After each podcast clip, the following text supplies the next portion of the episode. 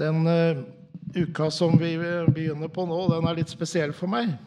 Fordi uh, på torsdag så er det ganske nøyaktig 40 år siden jeg ble døpt.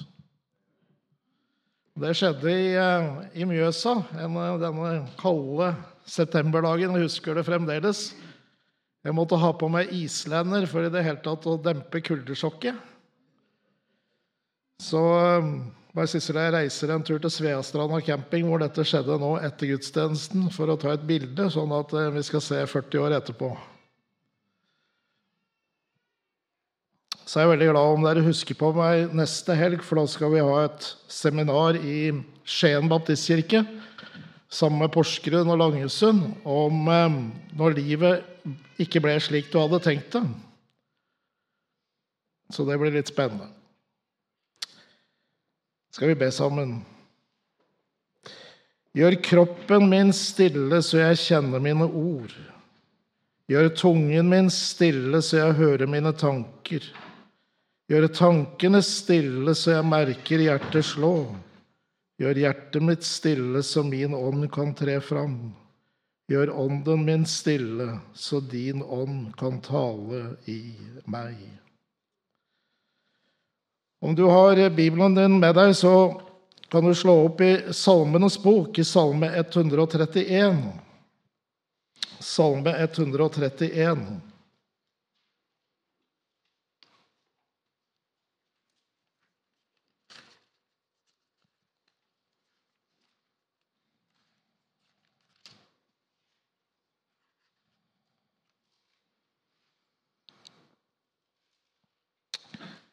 Herre, mitt hjerte er ikke hovmodig, mine øyne er ikke stolte.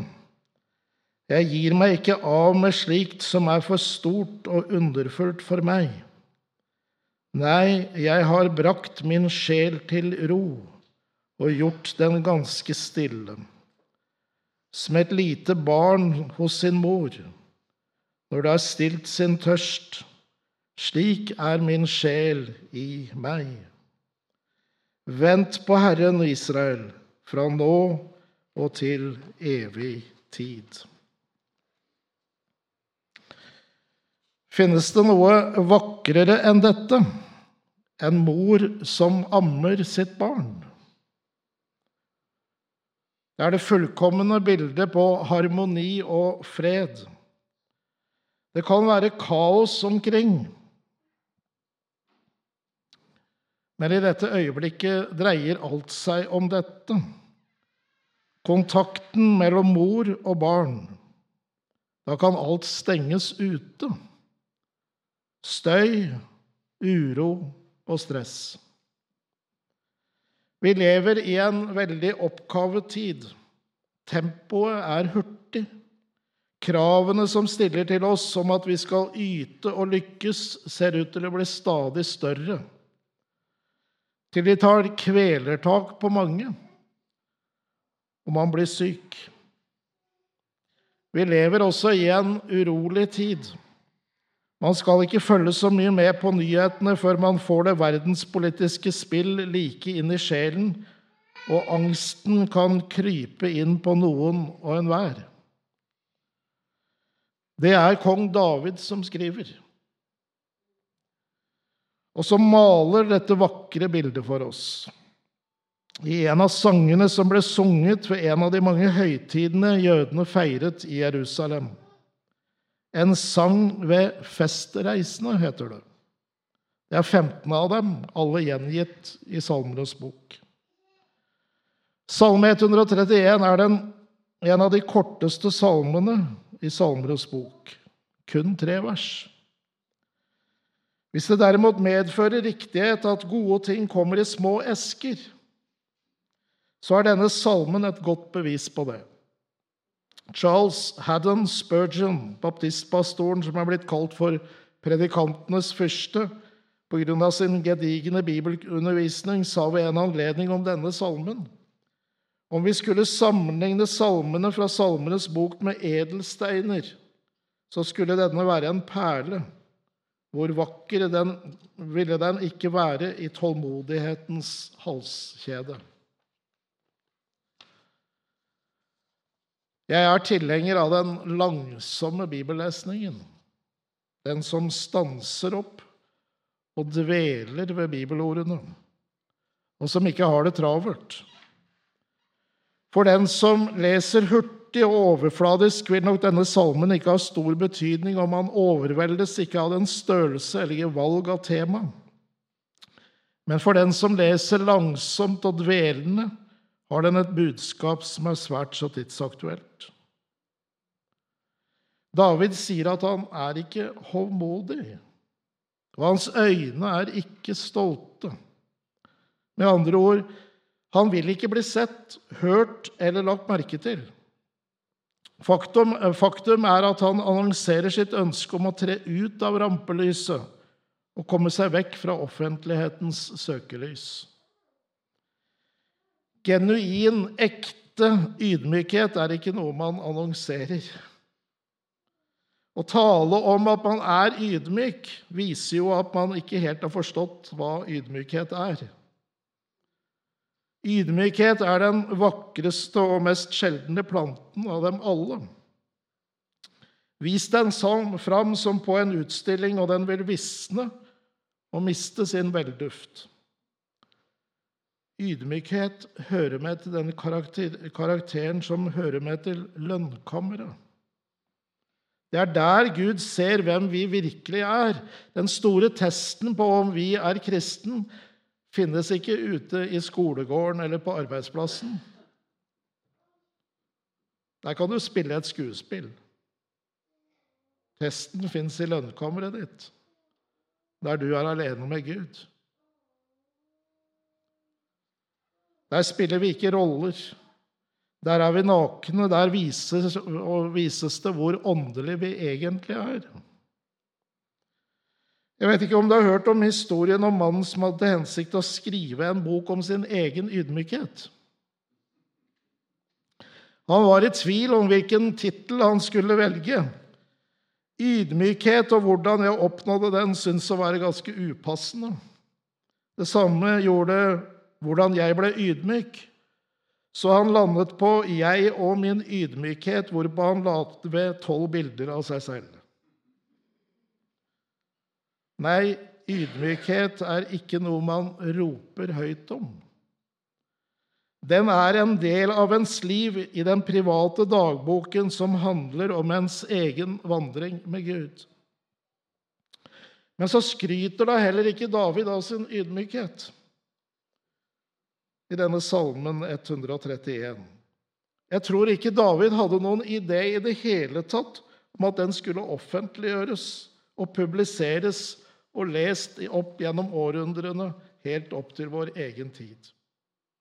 Han skriver eksklusivt for Gud. Salmen innledes jo da med ordene 'Herre', og så setter han ord på det som rører seg i ham. Det som følger, er en samtale mellom David og Herren. Åtte ganger i disse tre versene bruker han ord som, om seg selv. Mitt, mine og meg. Og så, etter å ha åpnet opp for hvordan han ser sin egen stilling her og nå, sier han, 'Jeg har brakt min sjel til ro og gjort den ganske stille'. Er ikke det vakkert? Jeg tenker på to ord når jeg leser dette. Det ene er et ord fra profeten Jesaja, og det andre er et ord av Augustin. La oss ta ordet fra Jesaja først. I Salme 131 brukes et hebraisk ord som de norske bibeloversetterne oversetter med 'brakt' eller 'fått'. En bokstavelig oversettelse ville være 'å være jevn', 'å være på nivå'. Og Det samme hebraiske ordet brukes i Isaiah 28, 25. Og For sammenhengens skyld så leser vi fra vers 24.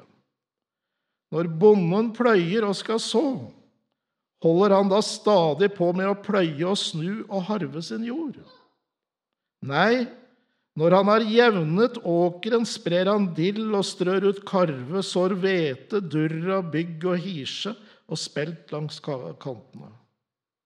Der har du ordet jevne. Jesaja refererer til bondens åker Åkeren var ujevn, men så ble den pløyet og ble jevn.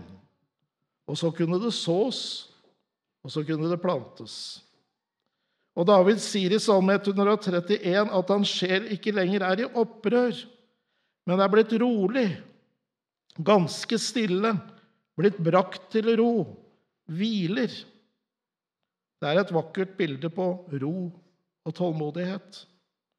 Og Resultatet av denne handlingen er, hans, er at hans urolige sjel er blitt rolig. Han har ro i sjelen, selv om det buldrer aldri så mye utenfor. Det andre jeg tenker på, er ordene til Augustin. Min sjel er urolig inntil den finner hvile i deg. Vi kommer alltid til å ha uro i livene våre uten om vi ikke har funnet roen i den Herre Jesus Kristus.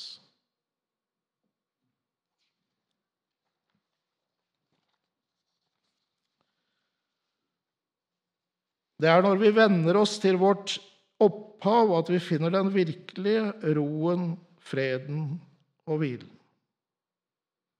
Jesus sier til apostlene, 'Kom med til et ensomt sted hvor vi kan være alene, og hvil litt', sier han. Dette er på en måte et nytt kall som disiplene får. Ikke et kall om å arbeide i Herrens vingård, men om å hvile og hente seg inn. En slags ferie med Herren. De skal ikke følge Jesus bare i aktivitetene, men også i hvilen. Og disse ordene tror jeg også Jesus sier til oss i dag. Vi trenger pustepauser, stunder med stillhet og ro, der vi er alene med ham. Hver dag kaller han oss til en stille stund med seg. Og hver uke kaller han oss til en hviledag, som samtidig er hans dag. Av og til kaller han oss til en lengre tid der vi er alene med ham. Da skal vi trekke oss tilbake fra våre hverdagssysler. Ikke bare for å få nye krefter, men også for å kunne se hverdagen med nye øyne.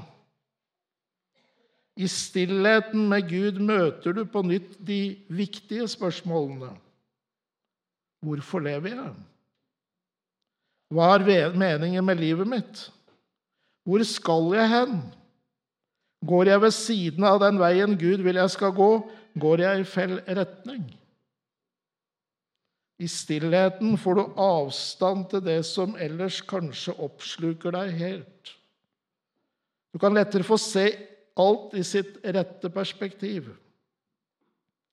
Du kan klarere se sannheten og gjennomskue illusjonene dine. Det finnes en grunnsinnsikt som bare kan modnes fram i stillheten med Gud. Og Hvis du regelmessig følger Jesus til ensomhet og hvile, kommer denne grunninnsikten til å bære deg i alle situasjoner av livet. Jeg er blitt helt avhengig av stillheten. Så jeg ber Gud gi meg i dag min daglige stillhet. Den er nemlig ikke selvsagt. Hverdagene våre er fylt av så mange lyder og så mange synsinntrykk. I første kongebok 19 så kan vi lese om profeten Elia oppe på Horeb-fjellet. Der møter han Gud. Og Forfatteren av første kongebok beskriver dette møtet slik.: Gå stille opp på fjellet for Herrens ansikt, så vil Herren gå forbi. Foran Herren kom en stor og sterk storm som kløyvde fjell og knuste klipper. Hadde jeg blitt redd, Hvis jeg hadde opplevd en sånn storm at det knuste klipper foran meg. Men Herren var ikke i stormen. Etter stormen kom et jordskjelv, men Herren var ikke i jordskjelvet. Etter jordskjelvet kom en ild, men Herren var ikke i ilden. Etter ilden lyden av skjør stillhet. Før sto det en stille susen. I den nye oversettelsen så står det 'skjør stillhet'. Da er det stille, da.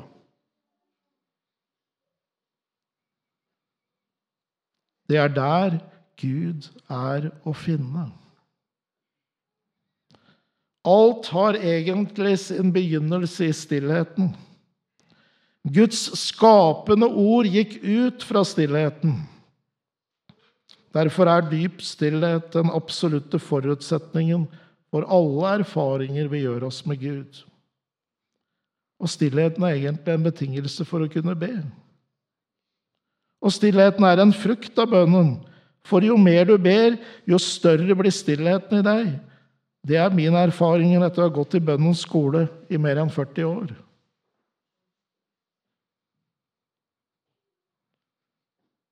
Å be er ikke å snakke. Å be er simpelthen å være, være til stede i stillhet sammen med Gud i hans stillhet, hvor vi lærer taushetens språk. Stillheten er Guds ord som venter på vår oppmerksomhet og vår respons. Det fortelles en historie om en gammel mann som alltid stilte seg på og satte seg på bakerste benk i en kirke. Hver gang satt han om lag én time. Presten i kirka tenkte at den gamle mannen sannsynligvis satt og ba, og etter mange dager gikk presten til slutt bort til mannen. Han ville vise ham litt omsorg, og så spør han, hva sa Gud til deg? Gud sa ingenting. Jeg bare lyttet. Gud bare lyttet. Hva sa du til Gud da? Jeg sa ingenting. Jeg bare lyttet. Dette stemmer godt overens med Salme 42, vers 8. Dyp roper til dyp i drønnet av dine fossefall. Gud er ikke å finne i støyen og agiteringen. Naturen, trær, blomster, gress vokser i stillhet. Har du tenkt på det? Stjernene, månen og solen beveger seg i stillhet. I stillheten lytter vi til ham. Og i stillhet taler han til oss. Mor Teresa har skrevet 'Stillheten er våre øyne'. Stillheten er våre ører. Stillheten er vår munn. Stillheten er vårt sinn. I vårt hjertes stillhet vil Gud tale.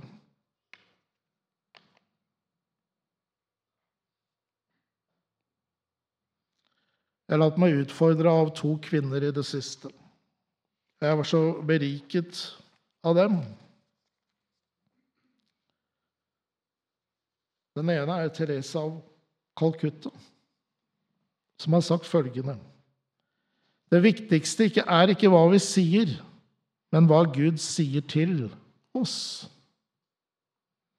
Våre ord er overflødige om de ikke kommer innenfra.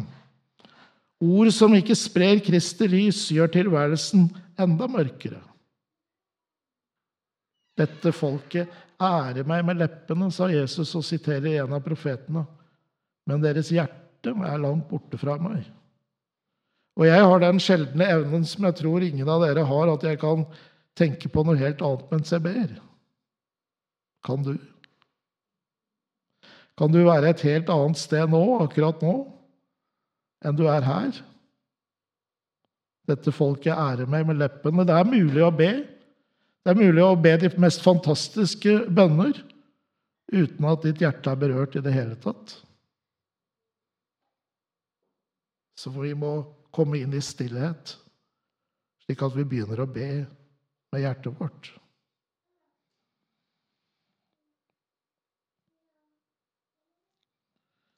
Jakob, som etter tradisjonen var Herrens bror, har skrevet dette. Alle snubler vi ofte. Den som ikke snubler og feiler med det han sier, er fullkommen og i stand til å holde hele kroppen i tømme. Jeg har enda til gode å møte en slik mann eller en slik kvinne. Skal vi lære Gud å kjenne, så må vi lære stillheten å kjenne. Det finnes ingen annen vei. Støyen er med på å hindre oss fra å lære Jesus stemme å kjenne og skille den fra andre stemmer. Jeg tror det er altfor mange ord i våre kristne sammenhenger. Og jeg bruker altfor mange ord. Ord som lever sitt eget liv uten kontakt med det virkelige livet. Ord som ikke frigjør, men som legger nye steiner til ei tung bør som vi bærer på allerede. Det må være samsvar mellom ordene våre og livene våre. En disippel kom til den hellige Antonios, ørkenens store mester, og sa:" Jeg har vist deg styrken i stillheten, hvordan den helbreder, og hvor tilfredsstillende den er for Gud. Husk at det er gjennom stillhet at de hellige vokser, og det var på grunn av stillhet at Guds kraft hvilte i dem, og det var på grunn av stillhet at de ble kjent med Gud.